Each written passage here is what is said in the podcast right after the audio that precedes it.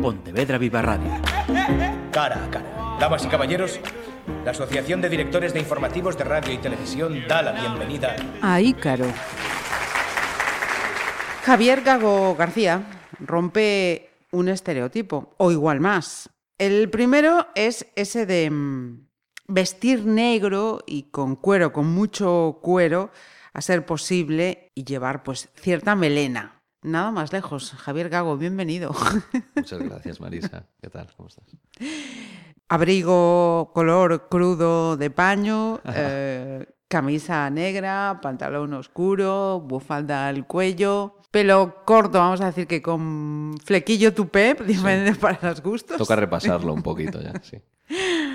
Tú esto del heavy, eh, el metal, el rock contundente, lo dejas para la música, ¿no? Sí, yo, a ver, yo y muchísima gente, la, la, imagen que acabas de comentar, pues es un poco la gente sobre todo que, bueno, que tiene asociada una imagen de años a, cuando este estilo empezaba a hacerse pues un poquito, salía del, del, círculo underground y empezaba a ser un poquito conocido, pues algunos artistas, yo que sé, ya sin ir al metal, los Ramones, por ejemplo, ya eran gente de, que iba encuerada, pantalones estrechitos, tal.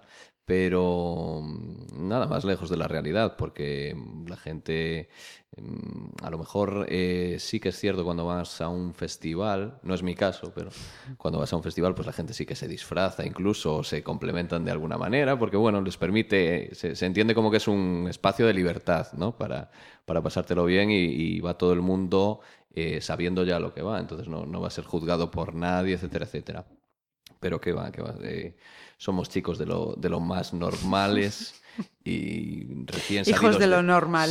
salidos de la biblioteca directamente a, a, gritar en, tu, en tus altavoces. Sí, no, no, es una idea un poquito pues eso, de desconocimiento, porque es una música que, que lo que comentábamos antes, no es muy accesible, es decir, no, no, no están los grandes medios sino que tienes que meterte un poquito en el, en el circuito para, para lograr acceder a ella, que seguro que te llevas muchas sorpresas porque dentro, dentro del estilo de ese rock contundente, como dices, eh, hay muchísimos, muchísimos matices para, para gente, vamos, de, de, todos los gustos. Sin duda.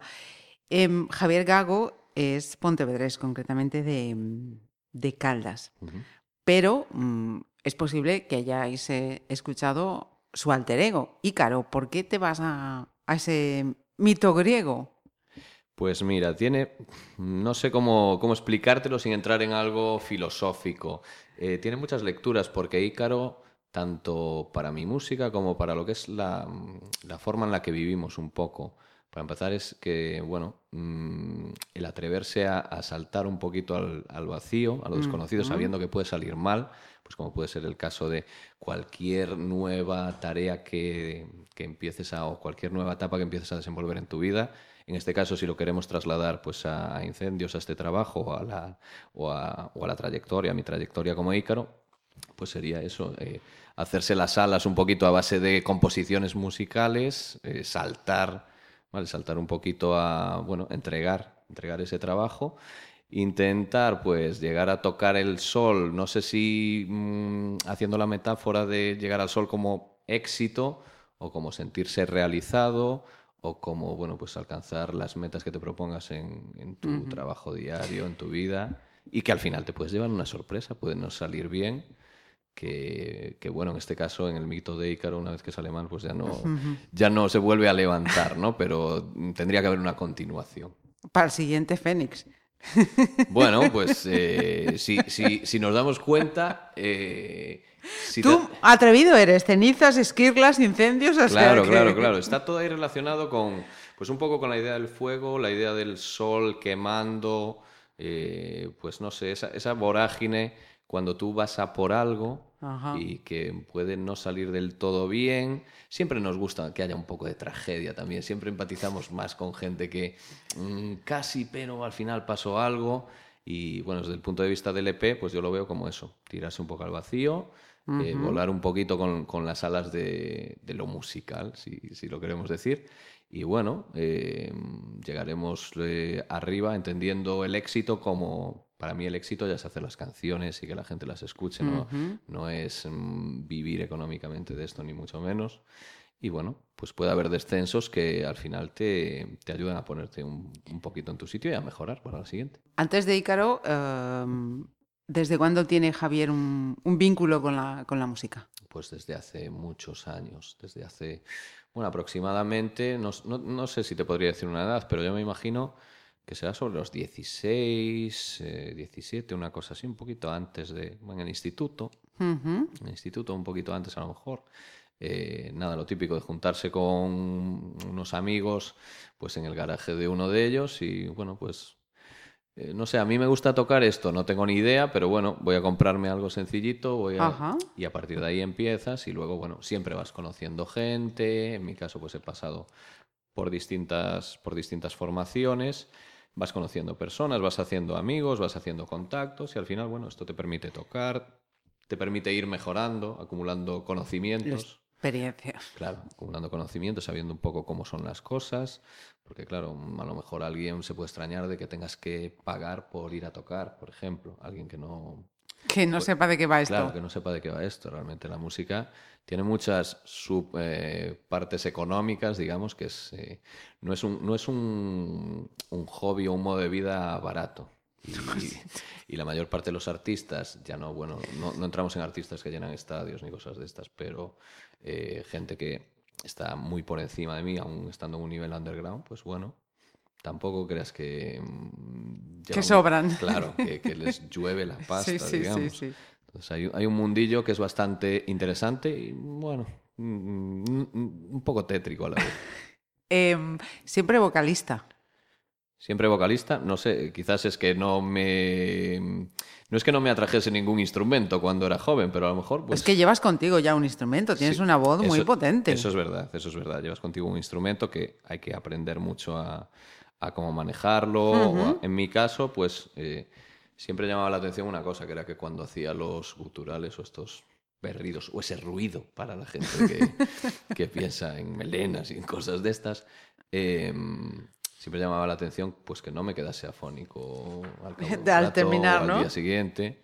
Bueno, en este caso es algo, es algo que me sale natural, como yo muchísima gente. Quiero decir, yo no me voy a tirar el rollo aquí de que soy el, el, el adalid de este, de este estilo musical, pero, pero sí, nada, eh, la voz y, y, he sido vocalista, bueno, he hecho algo con, con teclados o con sintetizadores en algún momento. Bueno, y... en algún momento llegaste a ser finalista, tenía yo aquí, finalista sí. de la segunda edición de lo que hoy son los premios de la música Martín Kodak. O sea, sí. cuidadito, ¿eh? Sí, bueno, no sé, se, se equivocaron o algo. Y eh, sí, esto lo hice pues muy básico, muy básico, con un pequeño tecladito, con el ordenador. Hoy en día, pues cualquiera en casa puede hacer pues desde una pequeña emisora, un home studio o cualquier cosa con no mucho dinero. Quiero decir, no es necesario recurrir a estudios profesionales. Obviamente, cuando más inviertas, el mejor. resultado. Claro, uh -huh. claro. Para tener un buen producto hay que gastar, eso es verdad. Pero bueno, para hacer algo, ir aprendiendo, pues a este nivel usuario, digamos, autodidacta o, o ir formándote, pues está muy bien. Es, es uh -huh. una cosa que hace años no se podía hacer. Bien. Tú estás en ese grupo de personas que en 2020 utilizaron el confinamiento mmm, para salir con un plus, ¿no? Hmm. Eh, ese plus fue decir, venga, me meto al tema composición. Sí. ¿Qué hiciste? ¿Qué pasó ahí? Pues... ¿Qué amiga entró sí. por paquetería? Porque no se podía ir a comprarla no, personalmente. Por, entró por paquetería, cierto. Parecía que me traía un jamón a casa. Pero sí, nada. Yo siempre había querido tocar la, tocar la guitarra y realmente, fíjate, es, es curioso porque ahora tienes menos tiempo porque entre el trabajo, paternidad, bueno, la vida... Y cuando era más joven, sin embargo, no, no me lo planteé en serio nunca, que a lo mejor era eh, lo suyo. Y, siempre me quedó comprar una guitarra porque a mí no me gusta mucho decirle a la gente lo que tiene que hacer. Y entonces yo a lo mejor tenía una idea en la cabeza, pero para transmitírselo a otra persona, oye, ¿por qué no hacemos esto y tal? Entonces te ves un poco como un poco dictador en algún momento, ¿no? Y dices, a mí me gustaría llegar a un sitio, es que cada uno trajese sus cosas y, y empezar a partir de ahí. Pues nada, me compré una guitarra, una guitarra que, vamos, 180 euros, una guitarra mmm, ni siquiera para metal, una guitarra mmm, más bien de pop, una, una Telecaster, una, una Squire, ni siquiera es una Fender eh, bueno. de, de, primera línea. Y, pero bueno, para lo que yo iba a hacer, que era haber tocado la guitarra cero, bueno, algo así en, en algún momento, pero yo no tengo ni idea.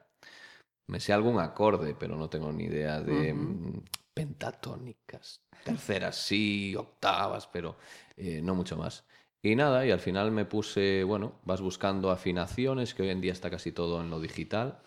De hecho, ya, ya no es necesario llevar gra- grandes amplificadores a los conciertos, incluso puedes llevar una pequeña consola multiefectos que te hace, te emula otros sonidos.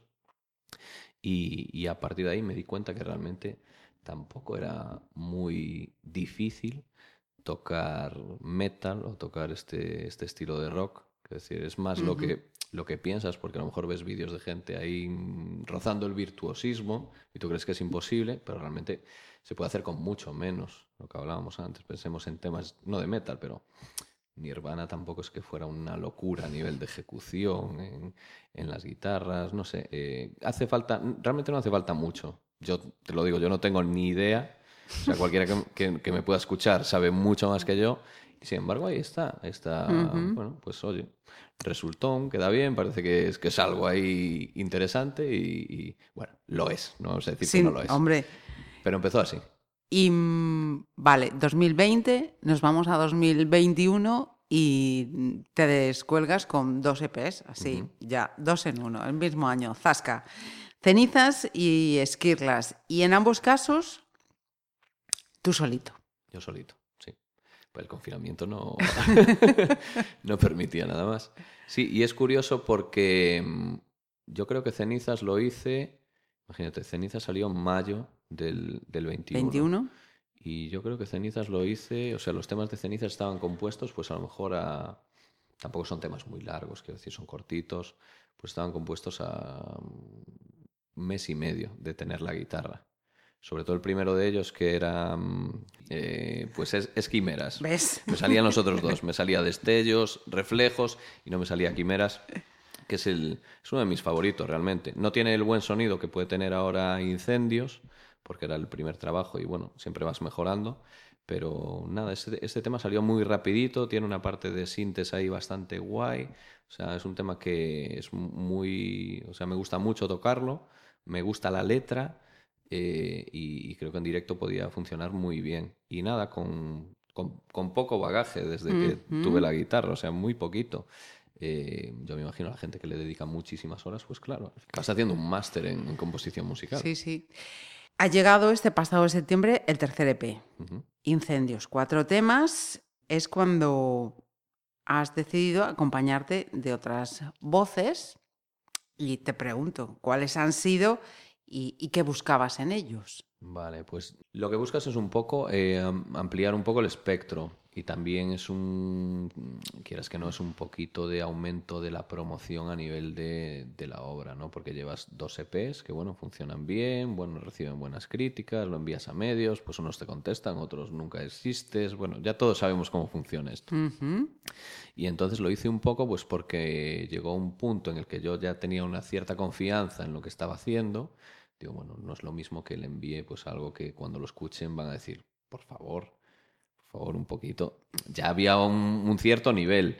Entonces buscaba, bueno, buscaba gente que a mí me, me gustan, que están en grupos actuales o que me han influenciado durante, durante etapas más jóvenes eh, eh, en mi vida o en mi, en mi carrera musical, tanto como, como, como artista como, como oyente de música.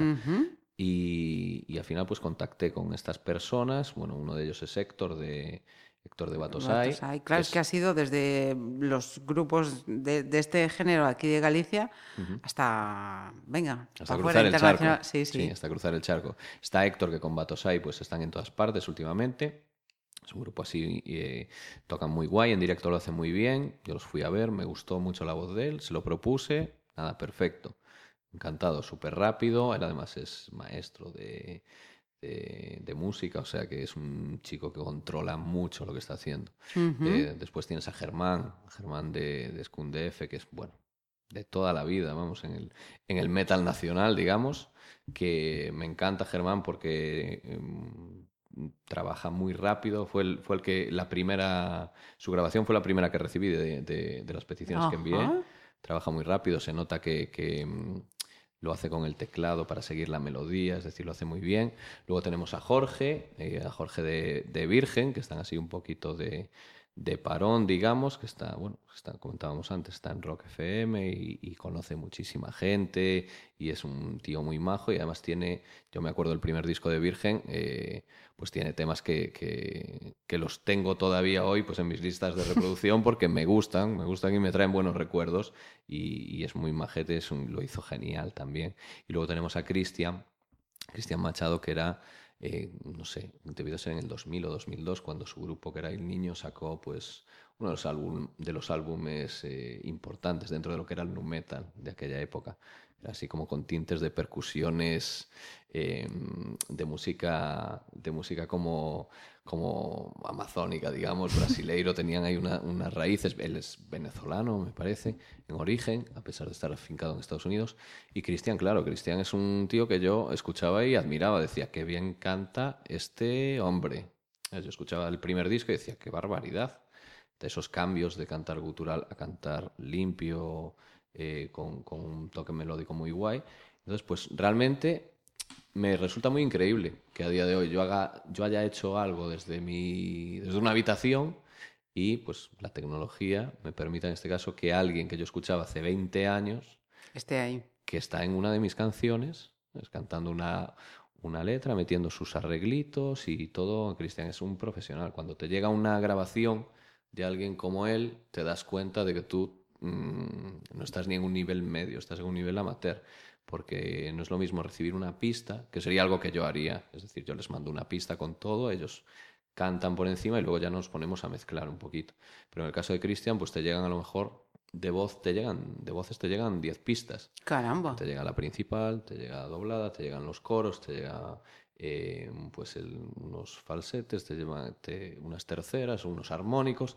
Entonces, claro, así es como se hacen las cosas para que luego el producto suene muy profesional, claro. Pero para esto hay que disponer, pues eso, de un eh, de unos aparatos tecnológicos de primera línea, es decir, hay que invertir para lograr tener hace, o sea, yo abro las pistas que me envía Cristian y mi ordenador se congela, no, no, no puede hacer mucho más. Pues si tengo eso, más las pistas de, de, la música, más las mías, claro, es una cantidad de, es un volumen de trabajo importante para, para moverlo el procesador, digamos.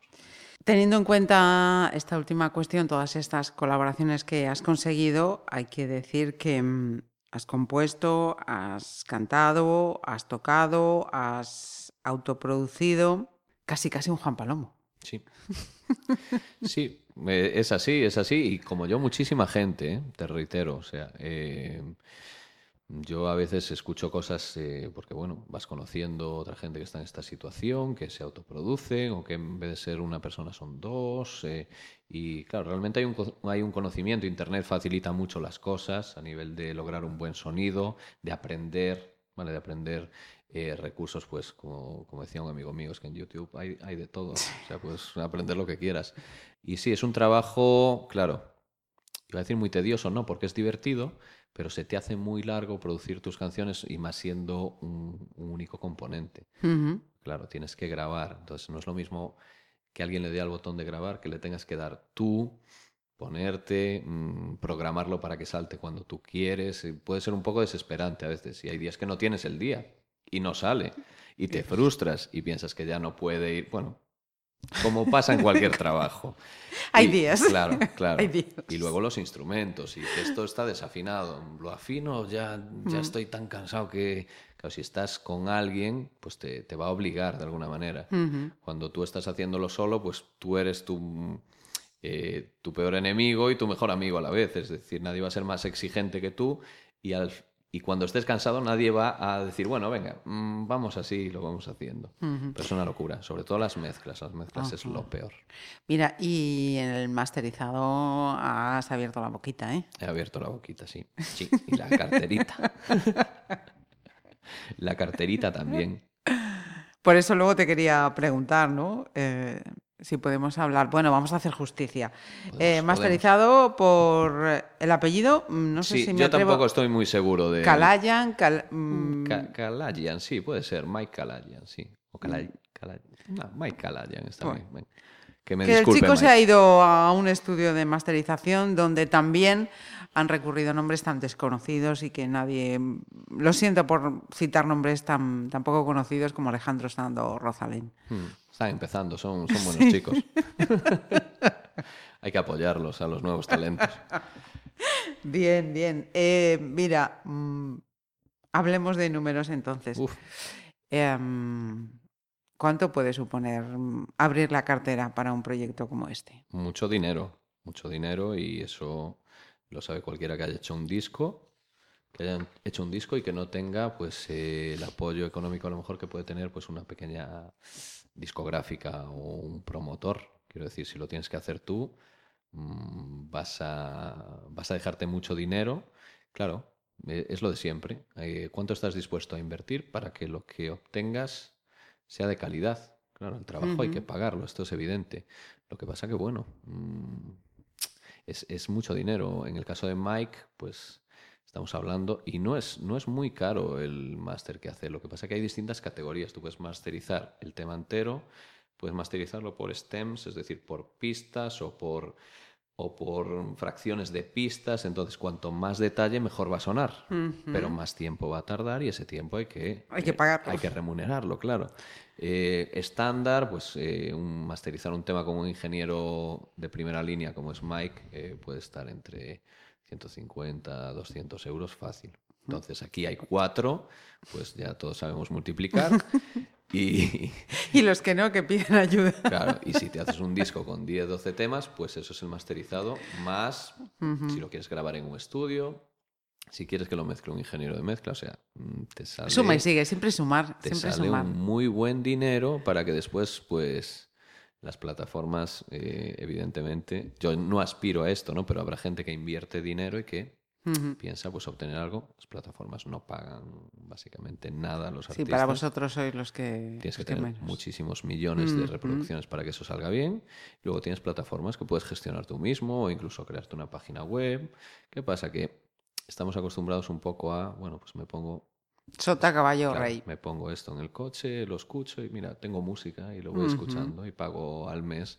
Y a lo mejor si te dijese que tendrías que pagar por esto, pues 5, 8, 10 euros, pues igual, igual te duele Te lo- más. Te duele más a, a pesar de que es desproporcionado lo que invierte el artista en lo que tú En a- comparación con lo que percibes, sin duda alguna. Y además esta cuestión ya la hemos, la hemos tocado alguna vez, ¿no? Lo, lo- lo injusto que resulta para vosotros este tipo de plataformas. Quería entrar además también, a- hablando de, de desembolsar, vamos a la otra parte, al, al ingresar. Tú has querido darle un, un añadido solidario este trabajo y ahí me vas a permitir que abra en esa ventanita más personal. Sí, bueno, el, el trabajo que está, por cierto, está en el, en el colgado en mi Bandcamp, que es icarosoy.bandcamp.com. Eh, bueno, lo googleáis y ahí aparece. Nada, creo que tiene un precio de 5 euros, que te lo descargas en el formato que tú quieras. eh, y ahí puedes acceder, lo, lo llevas contigo siempre, lo metes en un USB o grabas un CD si es que alguien sigue usando CDs, etcétera, etcétera. Eh, están todas las plataformas también, pero ahí lo puedes comprar. Eh, yo había puesto lo de que los fondos, eh, de hecho en la nota de prensa que envío a los medios, pongo que los, todo lo que se consiga, incluso hablamos de las ganancias de streaming en plataformas también.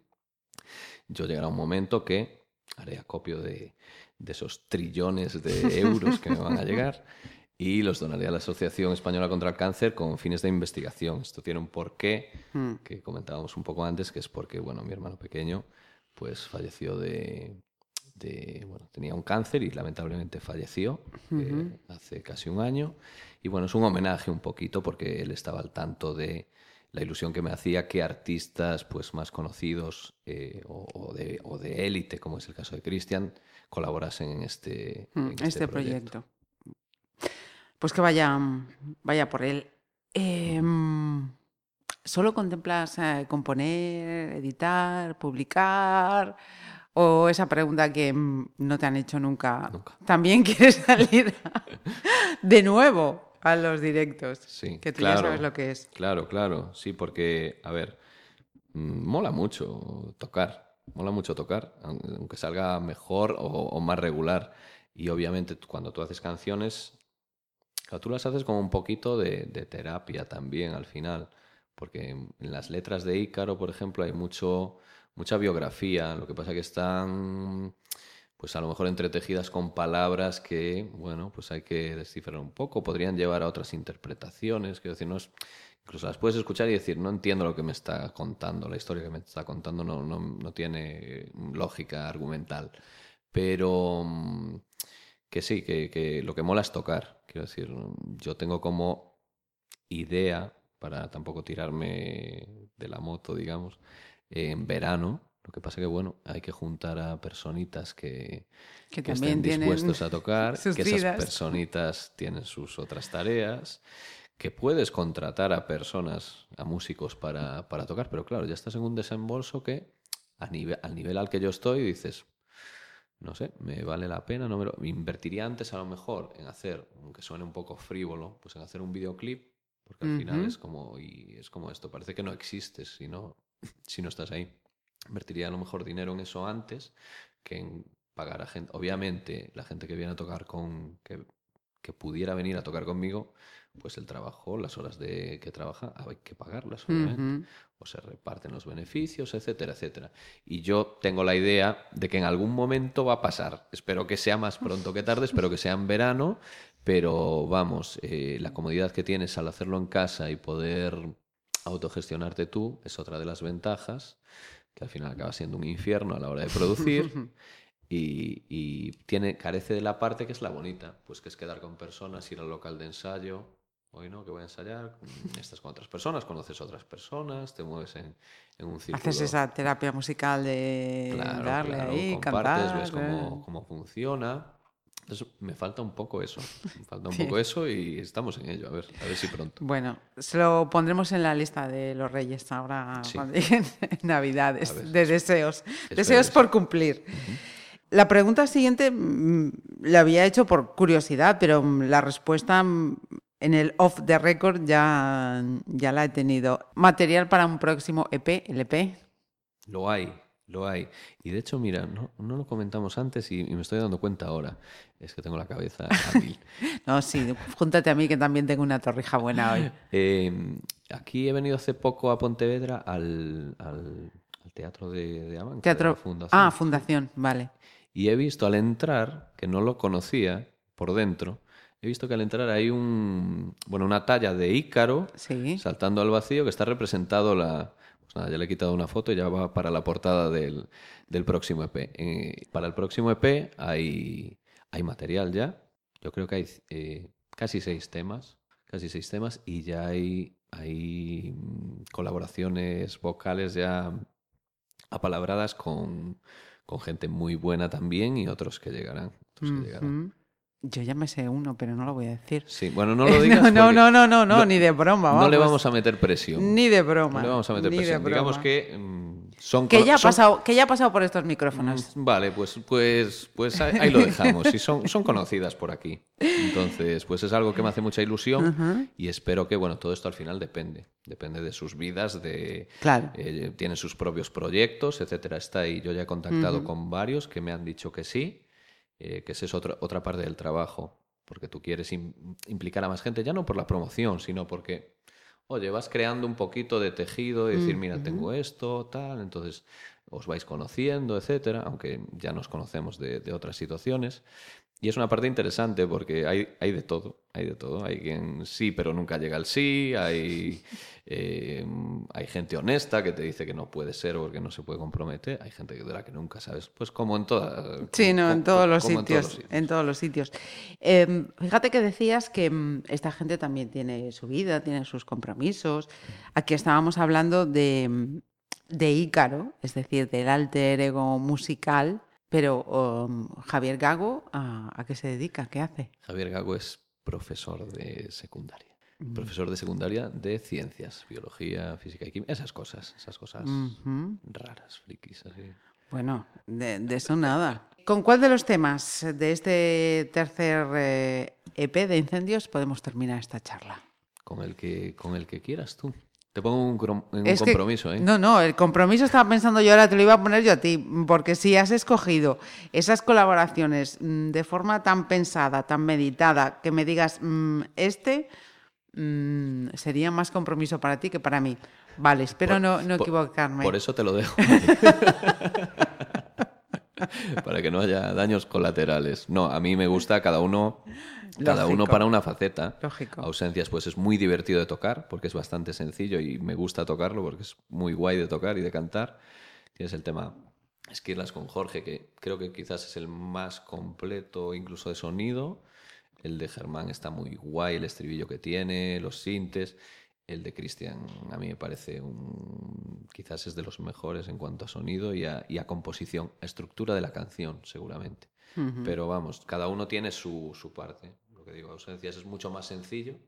Perdón, que me estoy yendo. Bueno, mm, también podemos hacer, coger unos segunditos de los cuatro para que la gente se haga una idea y diga, venga, que me lo descargo entero. Me parece correcto. Perfecto. Me parece correcto. Lo que tú quieras, lo que tú quieras estará bien.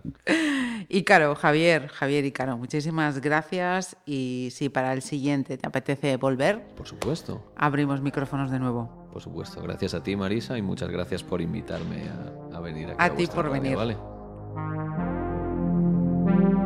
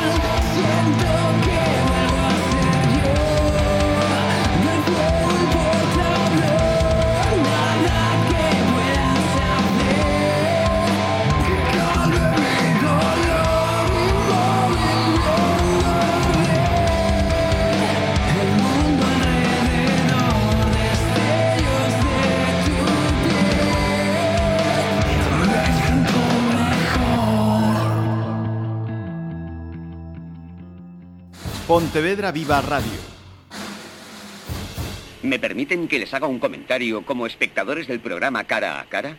Según un reciente sondeo de mercado, ustedes disponen de estudios e inteligencias superiores a la media. Sus intereses abarcan desde la actualidad mundial y la ciencia hasta el deporte y los espectáculos.